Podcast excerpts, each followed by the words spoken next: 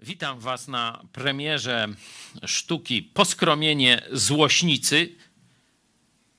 Nie, przepraszam, list do Hebrajczyków, a sceneria y, czeka na kolejne próby.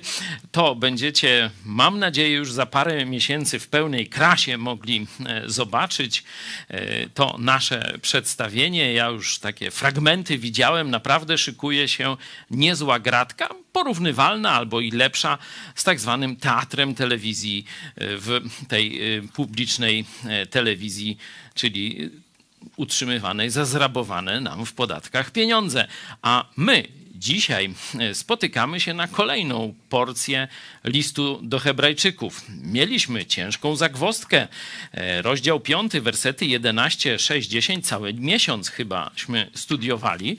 E, większość ludzi, którzy czyta ten fragment, jest w jakiś sposób zaniepokojona, myśli, że może stracić zbawienie i tak dalej. My wchodząc głęboko w tekst i patrząc na prawdziwe intencje autora, wyszliśmy z lektury tego tekstu bardzo zachęceni. E, także dzisiaj idziemy już dalej ku kotwicy naszej duszy. E, tak, zatytułujemy sobie ten fragment e, Hebrajczyków 6, 11, 20. Dzisiaj bierzemy na tapetę, czyli kotwica duszy albo odziedziczenie Bożych obietnic, czyli wejście w spełnienie Bożych obietnic. Przeczytajmy ten tekst od 11 do 20 wersetu z 6 rozdziału. Pragniemy zaś, aby każdy z Was okazywał tę samą gorliwość dla zachowania pełni nadziei aż do końca, abyście się nie stali ociężałymi, ale byli naśladowcami tych, którzy przez wiarę i cierpliwość dziedziczą obietnicę. Gdy bowiem Bóg dał Abrahamowi obietnicę, a nie miał nikogo większego, na kogo by przysiąc, przysiągł na siebie samego, mówiąc: Zaiste będę błogosławił ci obficie i rozmnożę cię bez miary. A tak, ponieważ czekał cierpliwie, otrzymał to, co było obiecane. Ludzie bowiem przysięgają na kogoś większego, a zakończeniem wszelkiego ich sporu jest przysięga, która jest stwierdzeniem. Również Bóg, chcąc wyraźniej dowieść dziedzicom obietnicy niewzruszoności swego postanowienia, poręczył je przysięgą, abyśmy przez dwa niewzruszone wydarzenia, co do których niemożliwą jest rzeczą, by Bóg zawiódł, my, którzy ocaleliśmy, mieli mocną zachętę do pochwycenia leżącej przed nami nadziei. Jej to trzymamy się jako kotwicy duszy, pewnej i mocnej, sięgającej aż poza zasłonę gdzie jego poprzednik wszedł za nas Jezus, stawszy się arcykapłanem według porządku Melchisedeka na wieki. Dzięki. E, jeszcze raz przeczytaj mi z tym ocaleniem ten, ten werset czarku. Osiemnasty, tak. Abyśmy przez dwa niewzruszone wydarzenia, co do których niemożliwą jest rzeczą, by Bóg zawiódł, my, którzy ocaleliśmy, mieli mocną zachętę do pochwycenia leżącej przed nami nadziei. Dzięki. E, czy możemy e, lekcję z wersji tysiąclecia też e, znaleźć?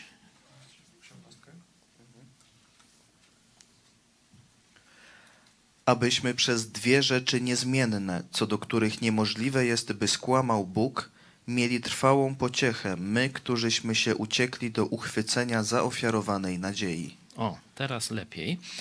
E, rzeczywiście, tu jest, e, zobaczcie, wezwanie Jezusa jest, że e, uciekliśmy się do czegoś, nie? Że, że zrozumieliśmy, że to jest nasza jedyna nadzieja i z niejśmy skorzystali. Nie? No, ale to taki E, takie odkrycie przy okazji. Wejdźmy do e, takiej analizy na razie ogólnej tego tekstu.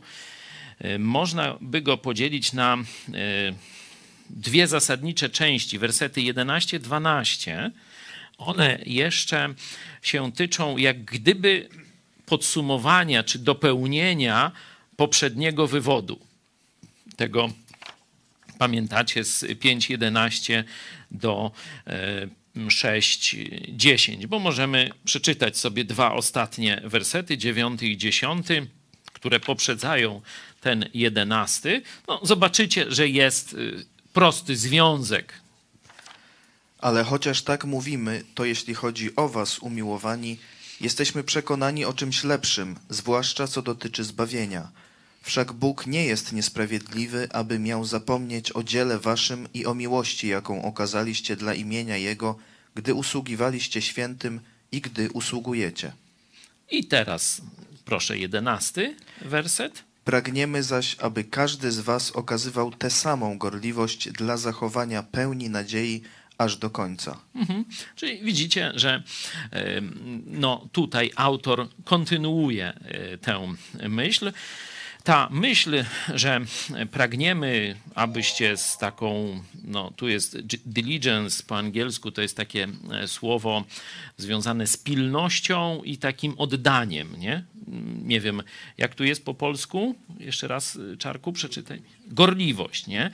Ym, Tu po grecku, zaraz jeszcze zobaczę, to słowo jest z 11 wersetu.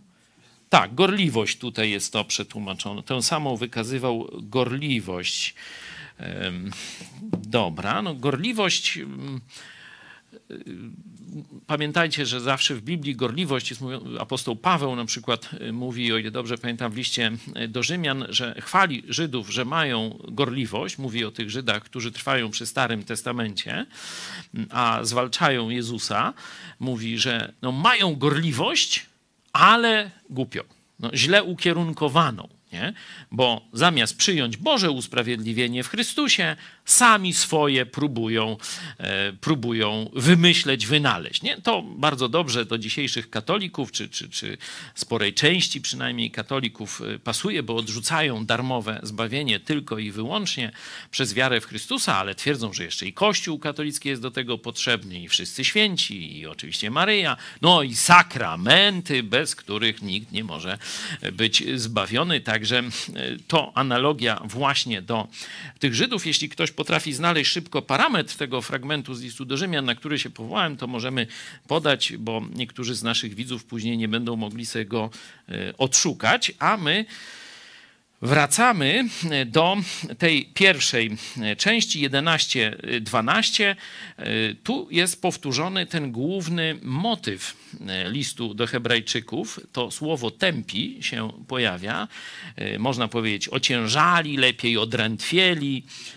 10.2. List do Hebrajczy, y, przepraszam, list do Rzymian, y, apostoła Pawła do Rzymian, y, rozdział 10, werset drugi. Tam o właśnie swoich pobratymcach według ciała, o Żydach mówi właśnie w tym kontekście gorliwości. Dlatego tutaj, kiedy e, autor mówi, że chce, żeby oni wykazywali gorliwość, oznacza też taką no, gorliwość połączoną z właściwym celem. Zresztą e, to słowo do końca oznacza do celu, tak naprawdę. Nie? Tu mówiliśmy o tym kilkukrotnie, czyli do spełnienia Bożego e, celu.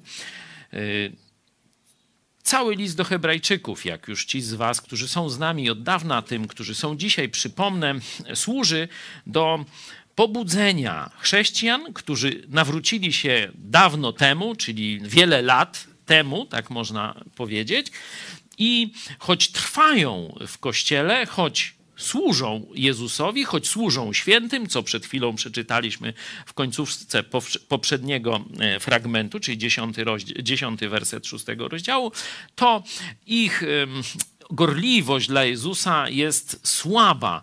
Ich wiedza biblijna jest prawie żadna, nie umieją, tak jak wcześniej czytaliśmy, rozróżnić dobra i zła. Są jak dzieci, które mlekiem muszą się karmić, nie rozumieją w ogóle poważniejszych spraw y, biblijnych, ale, to podkreślaliśmy y, tydzień temu, mimo wszystko Bóg nie zapomina ich dokonań dla Chrystusa. Y, Tu nazywa ich autor umiłowanymi braćmi. Mówiliśmy o różnych zastosowaniach dla nas, żeby nie gardzić tego typu braćmi, nie jakoś lekceważyć ich, no ale starać się ich za, na wszelkimi możliwymi sposobami, bo tu autor tego listu naprawdę różnych sposobów i jakieś wstrząsy, elektrostrząsy im robi, nie? Opieprza ich ostrym, y, ostrym językiem, mówi tępi jesteście i tak dalej. no, przebudźcie się w takim sensie, albo pokazuje im wspaniałości. Myślę, że to akurat najwięcej miejsca w liście do Hebrajczyków temu jest poświęcone wspaniałości tego, co mamy w Chrystusie. Żeby to wszystko razem sprawiło, by oni wyrwali się z tego letargu i wrócili na właściwy kurs i ścieżkę takiego gorliwego, mądrego podążania za Jezusem. Stąd cały list można by podzielić. Tu mówiliśmy e, jeszcze w czasie obozu letniego na e, Mazurach na takie trzy główne części od początku do 7:28. E, no to jest ten wyższa osoba, nie? I tam dużo o Chrystusie i naszym związku z Nim, czyli inaczej mówiąc, to co mamy w Chrystusie, potem od 8.1 do 10.18 jest pokazany Chrystus, jeszcze, bo on się tu już będzie pojawiać, ta rola najwyższego kapłana, już kilkakrotnie mieliśmy do tronu łaski, nie mamy takiego, pamiętacie, czwarty rozdział, nie mamy takiego arcykapłana, który by nie współczuł i tak dalej, nie? Czyli już ta rola arcykapłana Jezusa jest kilkukrotnie zasygnalizowana, ale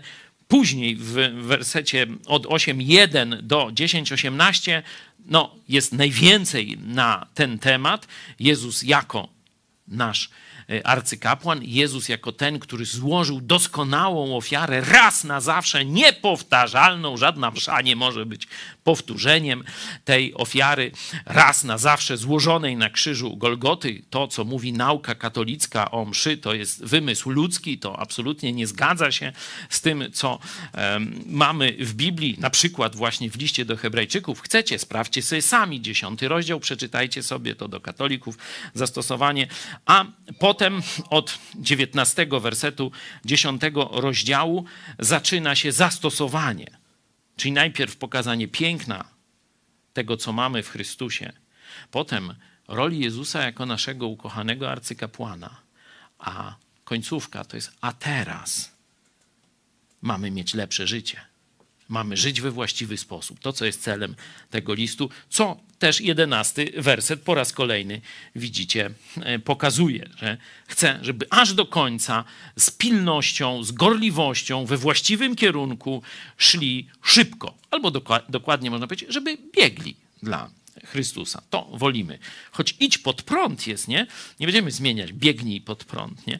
Już niech będzie gnaj pod prąd, to pani Hania e, z Tajwanu, ona często właśnie to używa tego gnamy dalej i tak dalej. Także to jest myśl, którą cały czas w głowie ma autor listu do Hebrajczyków, kiedy myśli o tych troszeczkę już letnich, takich wyhamowanych, stonowanych, kościółkowych chrześcijanach. Nie?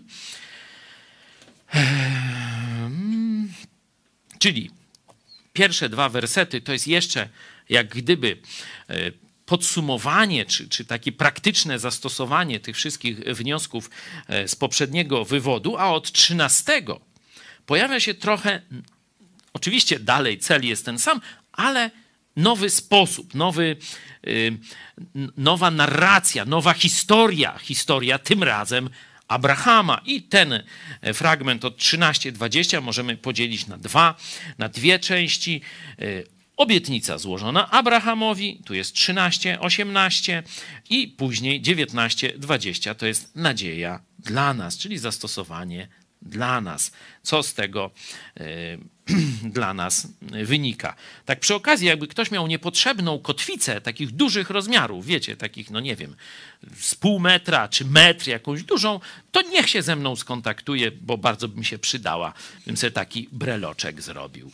E, mamy silny, prężny, prężny kościół, córkę nad morzem. E, niektórzy pracują przecież też i w innych klubach w tej branży. To taka kotwica tu w Lublinie by nam się y, przydała. No już wiecie, co chcę z nią zrobić. Właśnie te, tę prawdę, która tu jest, żeby z nią związać w jakiś sposób wizualny. Także kto ma y, albo tanio, tanio sprzeda taką kotwiczkę y, spółtonową, czy no może trochę, trochę lżejszą, niech już do nas pisze na kontakt. Kontakt małpa itspodprat.pl A my wracamy do tekstu, czyli mamy już tytuł, czyli odziedziczenie Bożych obietnic albo kotwica duszy.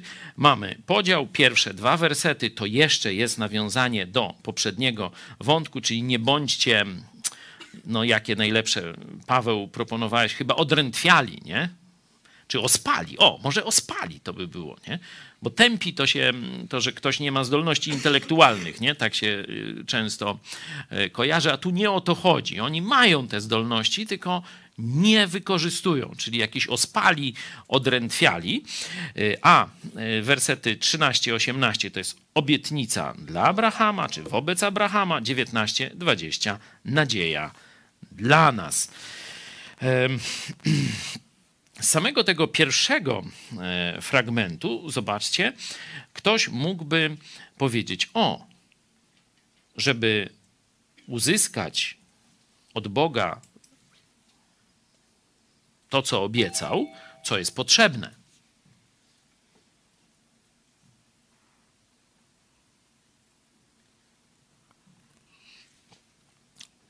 Wiara, no to tu się zgadzamy, czyli zaufanie, ufność, ale i cierpliwość. Nie? Tak macie po polsku? Wiara i cierpliwość. O. A Chojecki mówił, że do zbawienia nie trzeba wytrwania. A tu jest. Bo cierpliwość, wytrwanie, no to spokojnie można jako zamienne słowa przyjąć. Uuu, co z tym fantem zrobić? Jest, że nie wystarczy sama wiara, ale jest i cierpliwość. Zaraz sprawdźmy jeszcze dwunasty e, werset. E, przez wiarę, i tu jest wielkoduszność, tak dosłownie, ale, ale sens tej wielkoduszności to jest właśnie, słucham? Patience, no, że chodzi właśnie cierpliwość i wytrwałość, takie wręcz wyćwiczenie się w cierpliwości. Nie? Pamiętacie to takie słowo practice, praktykowanie, nie? wyćwiczenie się, to już mówiliśmy e, wcześniej o czymś podobnym. Czyli zobaczcie, do bycia no, beneficjentami tych obietnic trzeba zaufania do Boga, ale i naszej wytrwałości. Jak teraz to pogodzić ze zbawieniem, do którego sama wiara? Bo to jest podstawowy, można powiedzieć, odkrycie reformacji sola fide, tylko przez wiarę. Jak to pogodzić? Ma ktoś jakiegoś pomysłu? Podpowiedź jest w liczbie. Zauważyliście? O, Radek już od razu zauważył. Czy wiecie, wprawne oko od razu tego. Tu nie jest o jednej obietnicy. Tu jest o jakichś wielu obietnicach. O, jest trop dobry pies, posokowiec, już ma ślad. Już wie, gdzie kopać. Nie? Dlatego wyrobienie w studiowaniu Biblii, czyli jeśli długo spędzasz czas studiując Biblię, to czytasz tekst i od razu łapiesz trop, żeby zrozumieć. Nie? Tu mieliście tego dowód. Myślę, że wielu z Was też ten trop już, że tak powiem, podchwyciło. Czy jeszcze jakaś wskazówka znajduje się w tekście lub w bezpośrednim kontekście? Jak rozumieć to, że wiara plus wytrwałość daje. Już wiemy, że nie jedną obietnicę, bo gdyby było o jednej, no to byśmy mogli rzeczywiście poważnie dyskutować, że chodzi o zbawienie. A tu mamy w liczbie mnogiej, o jakąś wielość Bożych obietnic. Czy jeszcze jakiś trop któryś z naszych posokowców wyczuł w tekście?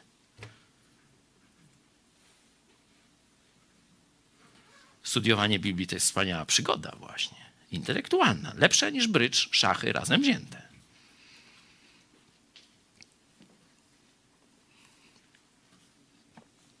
Ktoś z was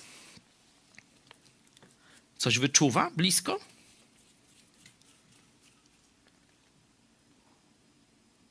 Zobaczcie werset 14. Na ten przykład. O czym tu jest mowa?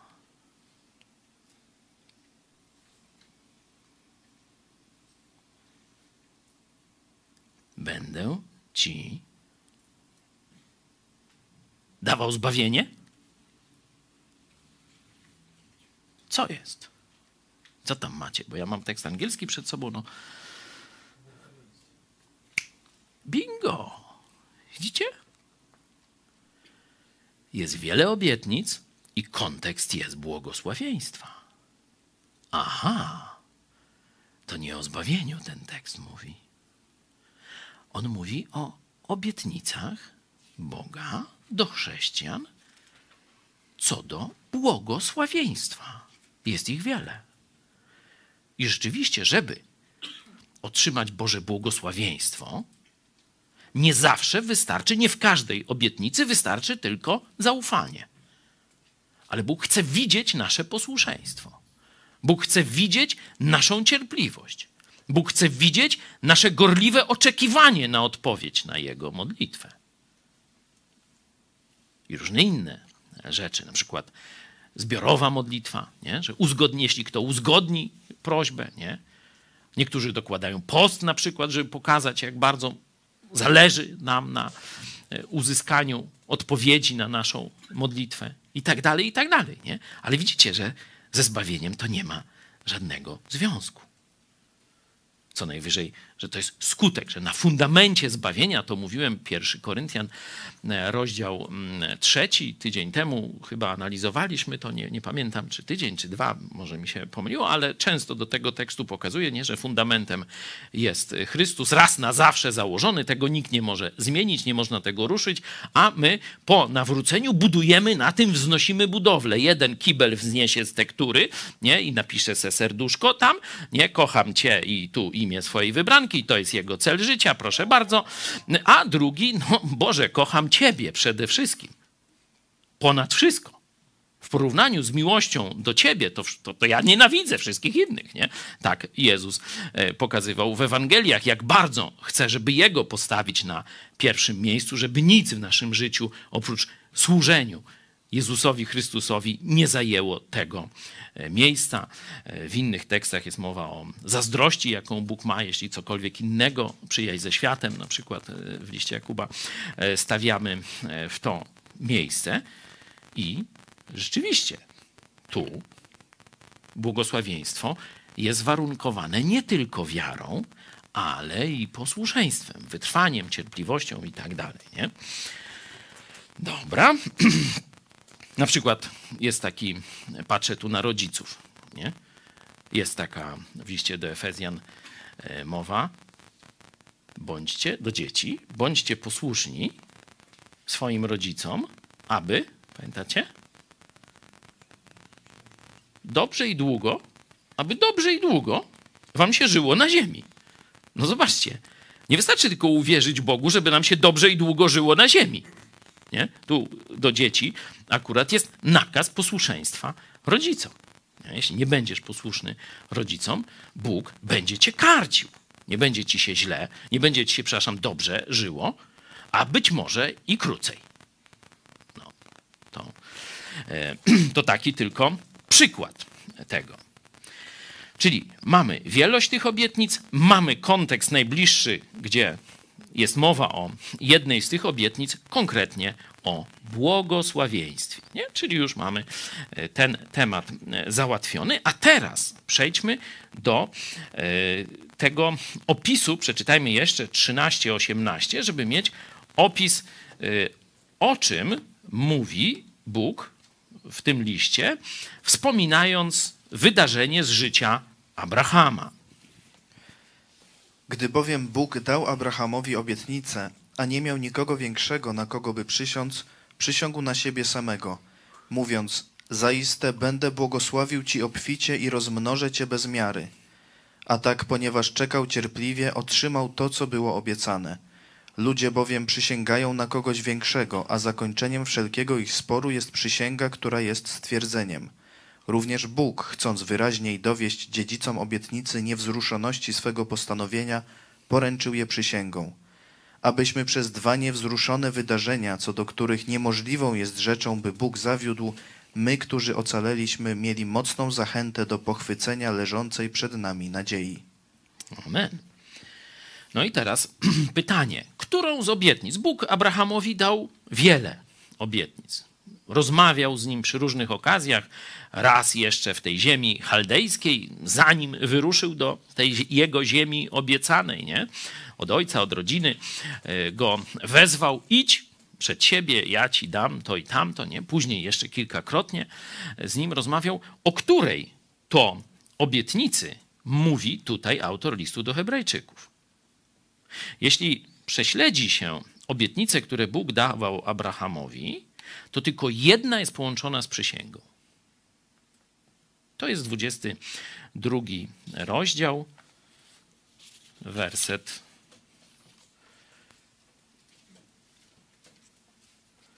Tutaj możemy zobaczyć od 15 do może 18. Przeczytajmy. Ja mogę przeczytać, jeśli masz czarek, czy masz, dobra. 22, pierwsza Mojżeszowa, czyli księga rodzaju, Genezis, od 15 do 18. Potem zawołał anioł pański powtórnie z nieba na Abrahama, mówiąc: Przysiągłem na siebie samego, mówi Pan, ponieważ to uczyniłeś i nie wzbraniałeś się ofiarować mi jedynego syna swego Będę ci błogosławił obficie i rozmnożę tak licznie potomstwo twoje, jak gwiazdy na niebie i jak piasek na brzegu morza, a potomkowie twoi zdobędą grody nieprzyjaciół swoich. I w potomstwie twoim błogosławione będą wszystkie narody ziemi za to, że usłuchałeś głosu mego. Amen. Widzicie, tu ewidentnie jest mowa o nagrodzie. Nie? Nagrodzie za posłuszeństwo. To nie jest mowa o zbawieniu, o usprawiedliwieniu. Zaraz do tego zresztą przejdziemy, bo w życiu Abrahama też jest o tym mowa. Tu ewidentnie po tym, jak on się nie wzbrania miłości swojego życia, na którą czekał, tego jedynego dziecka, dziedzica, wiecie, w tamtych czasach dziecko to nie było jakimś takim, jakby to powiedzieć, czymś, co e, utrudnia y, wesołe życie. Nie? Tak, drogę w karierze, czy coś takiego. rodzice mieli świadomość, że jeśli nie będą mieć męskiego potomka, to całe ich dziedzictwo zmarnieje. Dla ludzi wtedy te, te wartości materialne były naprawdę bardzo ważne. Oni chcieli komuś je przekazać. Nie? Jeśli nie miał potomka, to tak jakby bez sensu było jego życie. Nie? To, to tyranie, ym, ciężka praca, ryzyko i tak dalej. Nie? Dlatego to posiadanie męskiego potomka y, było tak ważne y, w tamtej y, kulturze. Nie? I teraz Bóg mówi, no to dostałeś tego potomka, a teraz mi go złóż w ofierze. Nie? I znamy tę historię, nie będę... To jest właśnie końcówka tej historii. Czyli widać, że nie tylko zaufanie, ale on podniósł nóż i był gotowy zabić swojego jedynego syna. Nie? I w wyniku tego posłuszeństwa Bóg daje mu właśnie tę obietnicę z przysięgą. Nie tylko obiecuje, ale i przysięga, że wykona. W rzeczywistości Bóg nie musiałby przysięgać i nigdy tego wcześniej nie robił, ale tu jakoś tak bardzo chciał tę obietnicę e, podkreślić, że jeszcze do tego złożył przysięgę. Będziemy zaraz o tej przysiędze mówić. Jaki jest, no zobaczcie, związek tego z nami? Bo to nie jest tylko ta obietnica, dotyczy nie tylko Abrahama. Rzeczywiście tam dotyczy jego, że będzie zdobywał tam grody, że będzie mu się powodziło tak, śmak i owak. Ale później jest ten werset osiemnasty. I w potomstwie Twoim błogosławione będą wszystkie narody ziemi. To właśnie od ciebie wyjdzie coś, co uszczęśliwi cały świat. I teraz przenosimy się do Nowego Testamentu. Apostoł Paweł tłumaczy tę obietnicę. Ktoś potrafi znaleźć szybko? Galacjan, tak, oczywiście.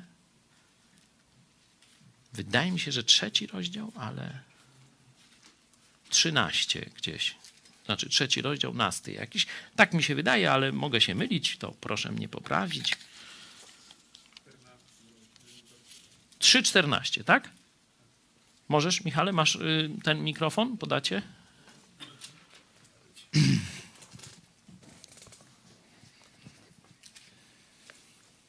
Aby błogosławieństwo Abrahama, Abrahamowe przeszło na pogan w Jezusie Chrystusie. My zaś, abyśmy obiecanego ducha otrzymali przez wiarę. I szesnasty jeszcze dołóż, tak, Otóż 3,16. obietnice dane były Abrahamowi i potomkowi jego. Pismo nie mówi i potomkom jako o wielu, lecz jako o jednym. I potomkowi Twemu, a tym jest Chrystus. Amen. Precyzuje apostoł Paweł, że właśnie to błogosławieństwo przyjdzie na wszystkich przez Jezusa Chrystusa. Nie? Także mamy, y, już wiemy, do której historii autor listu do Hebrajczyków się odwołuje, mówiąc o tej obietnicy. Nie?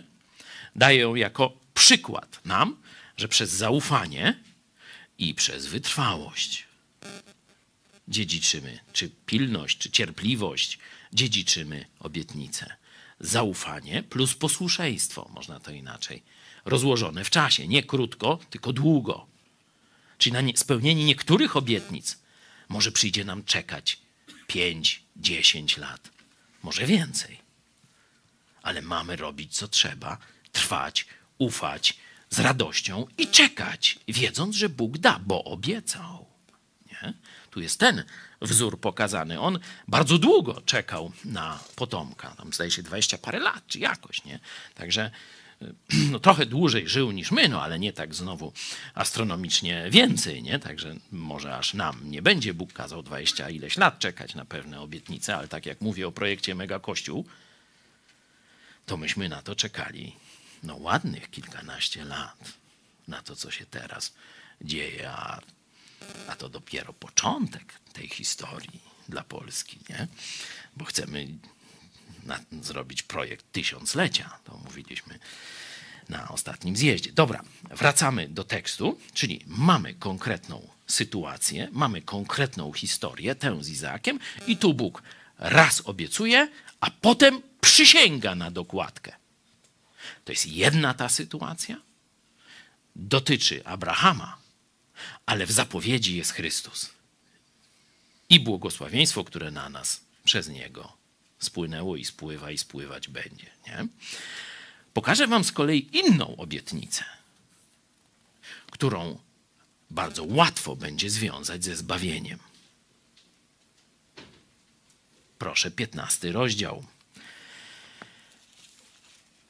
15 rozdział też księgi, pierwszej księgi Mojżeszowej. No, to, po tych wydarzeniach doszła Abrama w widzeniu następujące słowo Pana: Nie bój się, Abramie. Tu jeszcze on ma imię, widzicie to Abram, nie Abraham. Nie bój się, Abramie, jam tarczą twoją, zapłata twoja będzie sowita i tak dalej. E, się dzieje. Ja opuszczam niektóre wersety, proszę sobie je, chcecie pełną wersję sami znajdźcie i doczytajcie. Tu Bóg mówi, potem e, wprowadził go na dwór, tu jest piąty werset. Spójrz ku niebu, policz gwiazdy, jeśli możesz je policzyć, i rzekł do niego: Tak liczne będzie potomstwo Twoje. Szósty werset, bardzo ważny. Wtedy uwierzył Panu. A on poczytał mu to ku usprawiedliwieniu. Tu już nie ma o błogosławieństwie. Usprawiedliwienie to znaczy wobec mnie jesteś bez winy. Jeśli byśmy później zobaczyli e, Ewangelię Jana, przejdźmy do niej na chwilę. Zdaje się, że ósmy e, rozdział, o ile dobrze pamiętam, kiedy jest mowa, że Abraham widział dzień Jezusa. Jest taki werset? Jak ktoś znajdzie, niech pierwszy odpala. Ja y, będę tu 8,56. Super, ja przeczytam. Jezus tu w konflikcie jest z Żydami, chcą go ukamienować i Abraham mówi do nich, tłumaczy im Jezus. Abraham, ojciec wasz, cieszył się, że miał oglądać dzień, dzień mój i oglądał i radował się. Czyli w tym momencie, kiedy Bóg mówi Abrahamowi, Abramowi jeszcze, zostałeś usprawiedliwiony. On zobaczył i zrozumiał misję Jezusa Chrystusa, bo cieszył się. Jeśli cieszył się, to znaczy, że zrozumiał. zrozumiał zbawienie w Chrystusie. Zrozumiał zbawienie z łaski przez wiarę. I właśnie w tym momencie, tu cofamy się do tego czasu, kiedy on stąpa po ziemi, Bóg, ze względu na zasługi Chrystusa, na ofiarę Chrystusa, która dopiero później miała się na krzyżu Golgoty wydarzyć, już można powiedzieć, jak to się mówi tak w języku handlowym w in advance. Pomóżcie mi yy, w, w, no, że zaliczkowo, nie? że z wyprzedzeniem już dał mu usprawiedliwienie, czyli Abraham był zbawiony w tym momencie, którym czytamy 15, w 15 rozdziale e, Księgi e, Mojżeszowej pierwszej. I tu jest bardzo ciekawa rzecz. Tam, w tym, w tym 22 rozdziale, gdzie przed chwiląśmy czytali, Abraham musiał coś zrobić. Nie? I to coś, że tak powiem, wykraczającego praktycznie poza ludzkie możliwości. I za to dostał nagrodę, tamtą obietnicę z przysięgą. A tu jest inna sytuacja.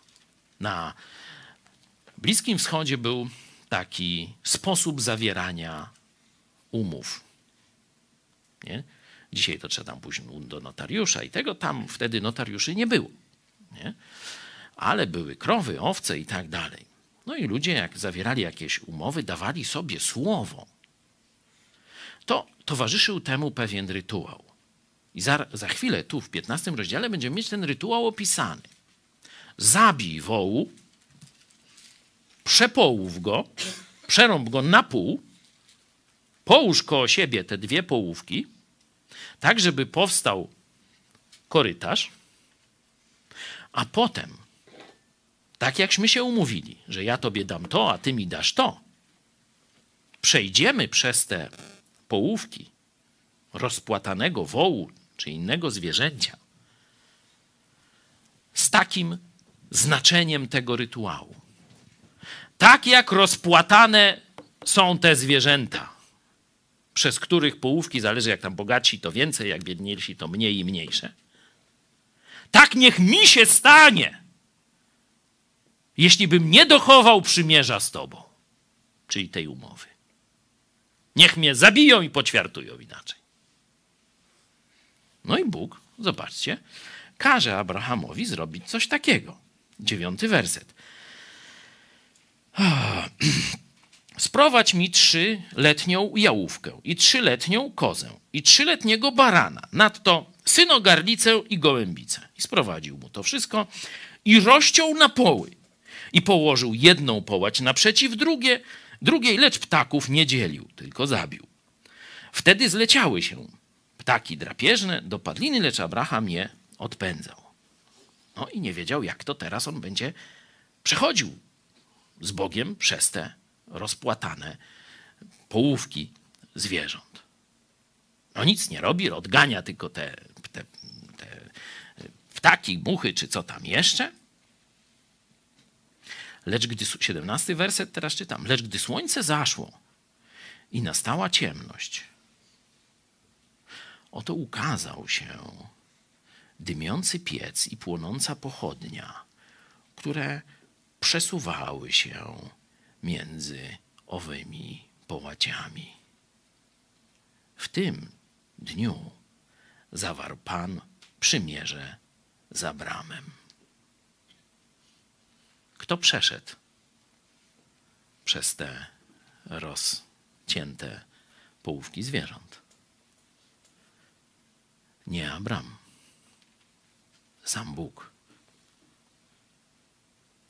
to pokazuje bezwarunkowości, bezwarunkowość i skończoność przymierza w Jezusie Chrystusie, bo to jest to przymierze, które dało usprawiedliwienie i które widział. Jezus mówi, że właśnie Jego widział wtedy Mojżesz. Przepraszam, nie Mojżesz, tylko Abraham. Zastosowanie, zobaczcie, dla nas Obietnica zbawienia jest dawana bezwarunkowo. Łaską bowiem jesteście zbawieni przez zaufanie. Nie z was. Boży to dar, aby się nikt nie chlubił, nie z uczynków. Zobaczcie sobie list do Efezjan, drugi rozdział, wersety 8, 9. To przymierze, które dało usprawiedliwienie Abrahamowi, tylko Bóg wziął na siebie, że gdyby on się wycofał z tego, to oczywiście to jest niemożliwe, rozumiecie? Ale on, Bóg nie kazał Abrahamowi towarzyszyć mu w tym przejściu, bo wiedział, że człowiek nie jest w stanie być doskonały, nie jest w stanie spełnić wszystkich Bożych wymagań. Dlatego usprawiedliwienie, można powiedzieć, jest jednostronną obietnicą. My mamy tylko tak chcę. Z wiarą mówię tak, tak chcę. I jestem zbawiony, tak jak mówi jasno Pismo Święte. Ale inne obietnice dotyczące błogosławieństwa, czyli tego, kiedy Bóg nam daje nagrody jakieś, dodatkowe rzeczy, a są powiązane z wytrwałością, z posłuszeństwem, z cierpliwością, tak, jak najbardziej. No, po tym, że tak powiem, rozwinięciu tych przymierzy i obietnic, wróćmy jeszcze raz do naszej, e, naszej, naszej narracji. Przeczytajmy jeszcze raz, proszę Czarku, werset 13-18.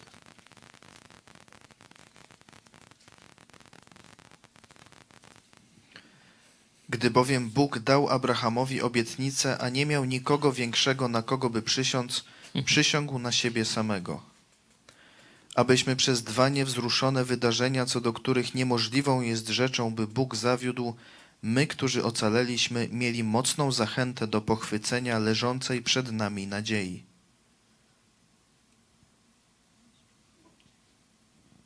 Jakoś tak krótko mi to wyszło.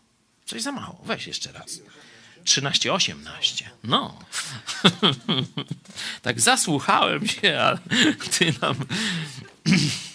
Gdy bowiem Bóg dał Abrahamowi obietnicę, a nie miał nikogo większego, na kogo by przysiąc, przysiągł na siebie samego, mówiąc, zaiste będę błogosławił Ci obficie i rozmnożę Cię bez miary.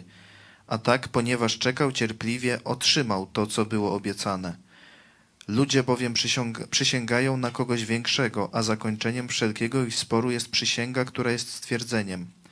Również Bóg, chcąc wyraźniej dowieść dziedzicom obietnicy niewzruszoności swego postanowienia, poręczył je przysięgą, abyśmy przez dwa niewzruszone wydarzenia, co do których niemożliwą jest rzeczą, by Bóg zawiódł, my, którzy ocaleliśmy, mieli mocną zachętę do pochwycenia leżącej przed nami nadziei. Dzięki. Mamy tu najpierw historię z Abrahamem, potem historię ogólną, nie? że kiedy ludzie chcą no, coś tak y, mocno stwierdzić i przekonać drugą stronę do tego, że prawdziwie coś obiecują czy się umawiają, nie? no to że wtedy przysięgają. Nie? Czyli jest i historia autentyczna tu y, z Abrahamem, no i ogólnie y, ta, no, ten zwyczaj międzyludzki o tych przysięgach. No i mówią, zobaczcie, jak bardzo Bóg chce cię przekonać do prawdziwości swoich obietnic, do prawdziwości swojego słowa. Że w tym przypadku, w przypadku tej obietnicy danej e, Abrahamowi, nie tylko powiedział, że tak będzie, chociaż to już by wystarczyło i rozwiązuje sprawę, ale jeszcze przysiągł. Żebyśmy mieli dwa potwierdzenia: słowo i przysięgę. Nie? Te dwie, e, dwie rzeczy, można powiedzieć. To ogólnie, bo tu mówię, to jest przykład i ze stosunków międzyludzkich, i z tej konkretnej sytuacji z Abrahamem, żebyśmy wiedzieli, jak bardzo Bóg chce, żebyśmy ufali Jego obietnicom. Taką sondę Iwan chyba niedawno przeprowadzał na temat powtórnego przyjścia Chrystusa. I zdecydowana większość ludzi przyjdzie albo i nie przyjdzie. Kto go tam wi? To jacyś filozofowie. Co to jest? Nie no, Kompletna porażka. Nie? Ale to pokazuje, że ten człowiek, czy ci ludzie absolutnie poważnie nie traktują Bożych obietnic. No i teraz pytanie, jak ja, jak ty traktujesz Boże obietnice. Ten fragment, jego zamiarem u autora jest pokazanie ci, że jeśli Bóg obiecał coś, to ze stuprocentową, gwarancja 100%, jak Żydzi mówią, nie? Był jeden w synagodze i mówił, żeby uwierzyć w Jezusa, jest 100% gwarancja. Tu jest rozszerzenie na wszystkie obietnice. Ta obietnica, dzieci, słuchajcie rodziców swoich, a będziecie długo i szczęśliwie żyli. Ile gwarancji jest? Magda. Ile procent? To nie jest gwarancja, to nie jest o zbawieniu.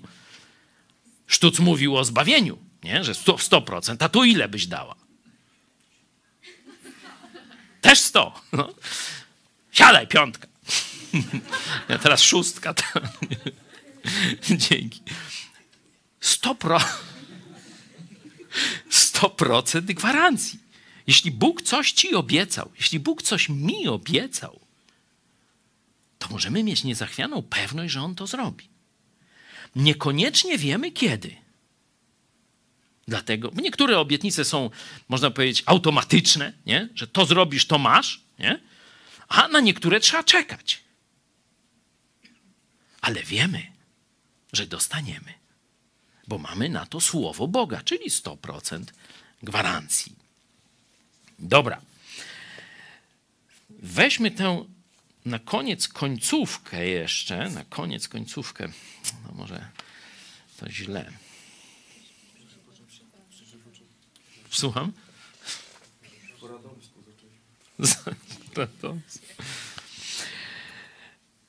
Przeczytajmy werset 18 i przejdźmy od razu, proszę Czarku, do 19 i 20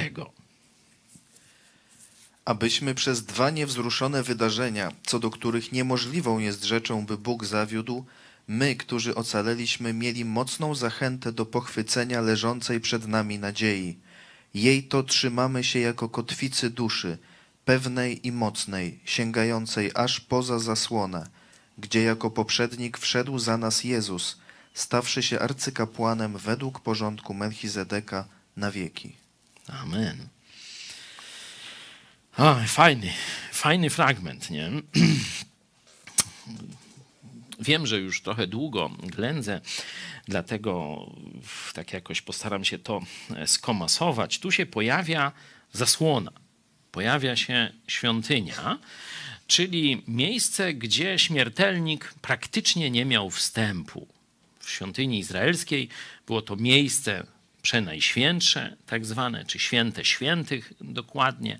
Tabernakulum właśnie stąd pochodzi. W katolicyzmie się opłatki tam trzyma i taką świeczkę elektryczną oszukaną pali, no bo kiedyś to miał być żywy ogień, jak w Izraelu, a teraz, wiecie, leniwcy, już nie chce im się tego, bo to ten ogień, ogień by gaz i tak dalej. Lud mógłby mówić, że co to tam, jakoś Bóg zgasł czy coś, no to wzięli do prądu, wstawili.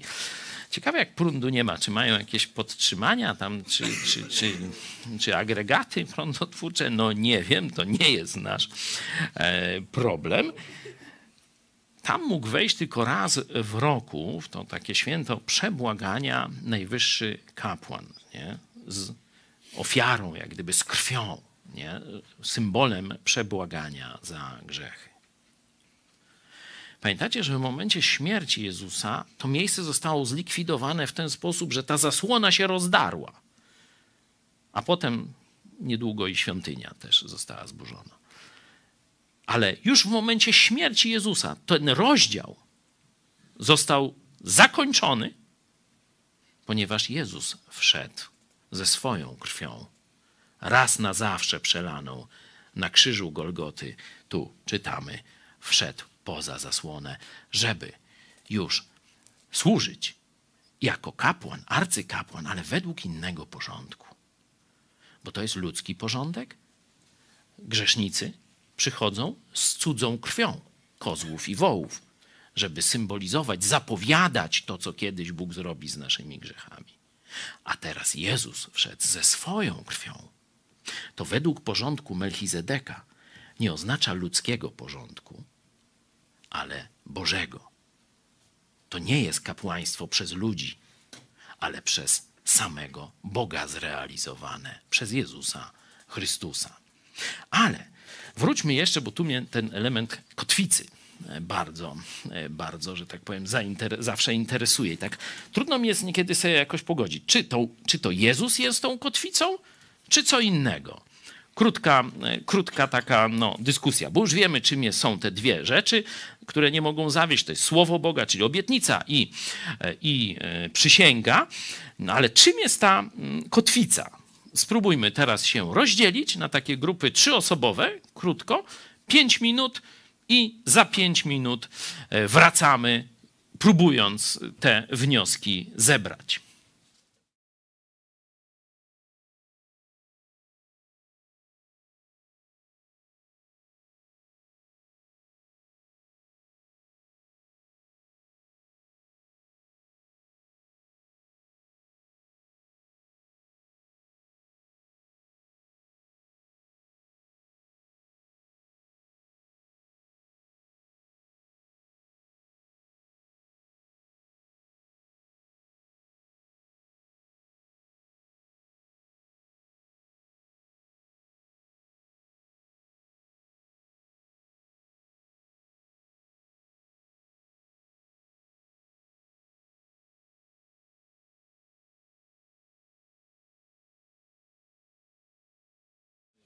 Co jest tą kotwicą.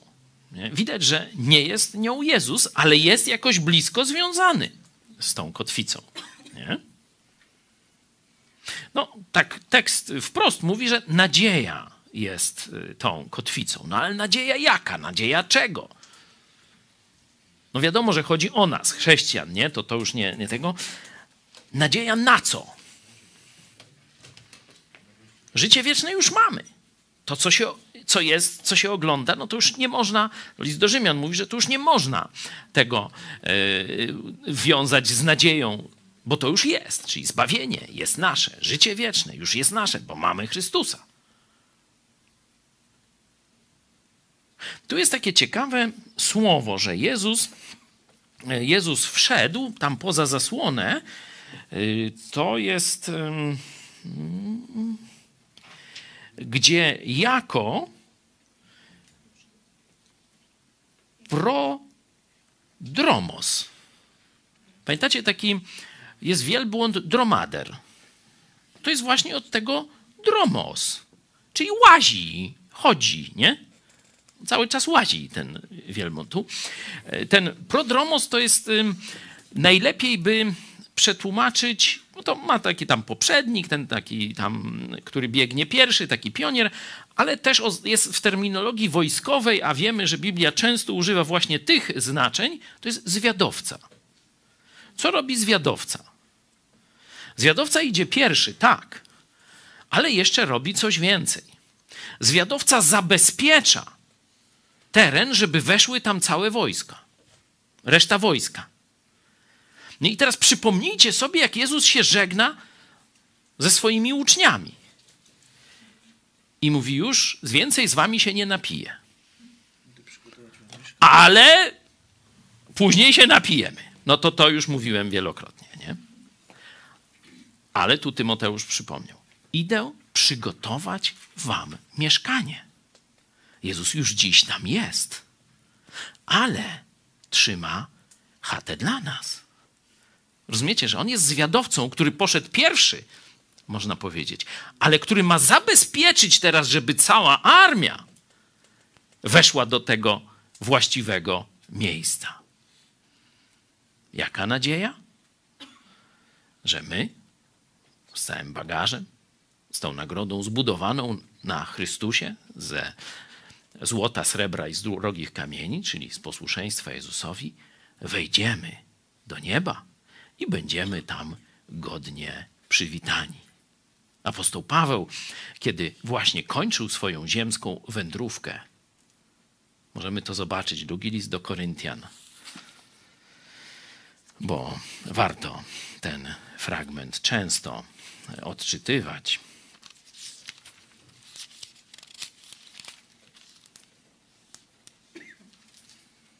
Tak przedstawił to, co się będzie działo w momencie przejścia. Drugi Koryntian, nie, przepraszam, drugi Tymoteusza, czwarty rozdział, szósty werset i następne. Albowiem już niebawem będę złożony w ofierze, a czas rozstania mego z życiem nadszedł. Dobry bój bojowałem, biegu dokonałem, wiarę zachowałem. A teraz oczekuje mnie wieniec sprawiedliwości, który mi w owym dniu da Pan, sędzia sprawiedliwy, a nie tylko mnie, lecz i wszystkim, którzy umiłowali przyjście Jego. Jezus go tam będzie witał.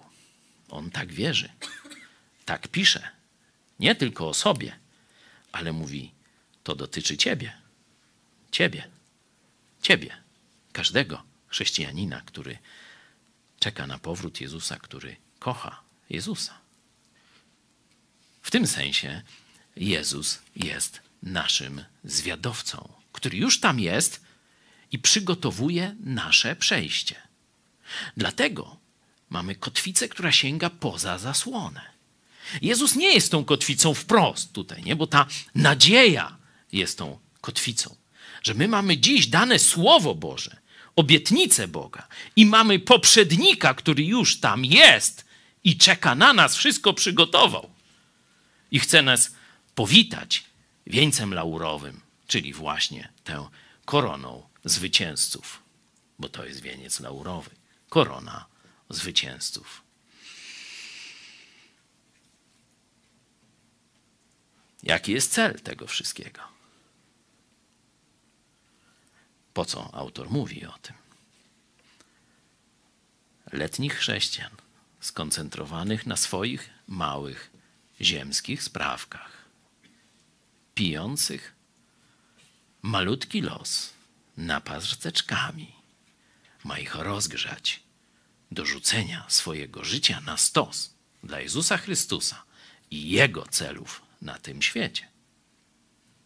Przecież to jest wasza przyszłość. To jest nasza przyszłość. Jezus już tam jest. My tam idziemy. No to żyjmy sprawami tego królestwa. Żyjmy sprawami wiecznej ojczyzny. Żyjmy sprawami nieba, choć jeszcze jesteśmy tu na ziemi. Mamy Słowo Boże? Mamy przysięgę Boga? Mamy Jezusa, który już jako zwiadowca, jako jeden z nas przeszedł poza zasłonę i tam na nas czeka. Dla niego, dla autora tego listu, to jest wszystko jeden ciąg. To życie nie dzieli się na doczesność, wiecie, i tu musimy tam swoje sprawy, no i później coś tam będzie. Nie? Dla niego to jest ciągłość. Boże obietnice stanowią pomost, kotwicę pomiędzy jednym a drugim światem. My żyjemy w obu tych światach naraz praktycznie. Dlatego list do Efezjan, zobaczcie, tam bardzo ciekawa rzecz jest, na którą niewielu chrześcijan zwraca uwagę. Drugi rozdział, zobaczcie, szósty, no niech będzie piąty werset. I nas, którzy umarliśmy przez upadki, nie? czyli byliśmy oddzieleni od Boga, bo umarliśmy oznacza śmierć, oddzielenie od Boga. Gdybyśmy w tym stanie zakończyli nasze życie, wylądowalibyśmy w wiecznym piekle i nas, którzy umarliśmy przez upadki, ożywił wraz z Chrystusem, łaską zbawieni jesteście. I wraz z Nim, z Chrystusem, wzbudzi i wraz z Nim posadzi w okręgach niebieskich. Robię was w konia. Wiecie. Niektórzy, co mnie znają, no to zawsze uważają na to i wszystko sprawdzają, czy ja dobrze, dobrze cytuję. Źle to przeczytałem. Nie tak tam jest. Zobaczcie, będzie w aspekcie dokonanym. To już się stało. I wraz z nim, czyli z Chrystusem, nas wzbudził i wraz z nim posadził w okręgach niebieskich w Chrystusie Jezusie. To jeszcze cieleśnie nasze zmartwychwstanie się nie dokonało, ale nasza pozycja duchowa według Boga to już jest tam. Tam już jest nasze mieszkanie. Tam my już jesteśmy duchowo. Jeszcze fizycznie tu jesteśmy. Ale tam już Bóg nas widzi. W Jego oczach już tam jesteśmy. Dlatego żyjmy właśnie tą Bożą perspektywą. Myślę, że na dzisiaj starczy. Ponawiam e, apel o kotwicę, żeby nam właśnie o tym e, przypominała przy naszym Lubelskim Uniwersytecie Biblijnym. Kotwica to jest dobry pomysł. Może coś jeszcze pomyślimy z logiem przy okazji kotwicy, no ale to już kiedyś w przyszłości.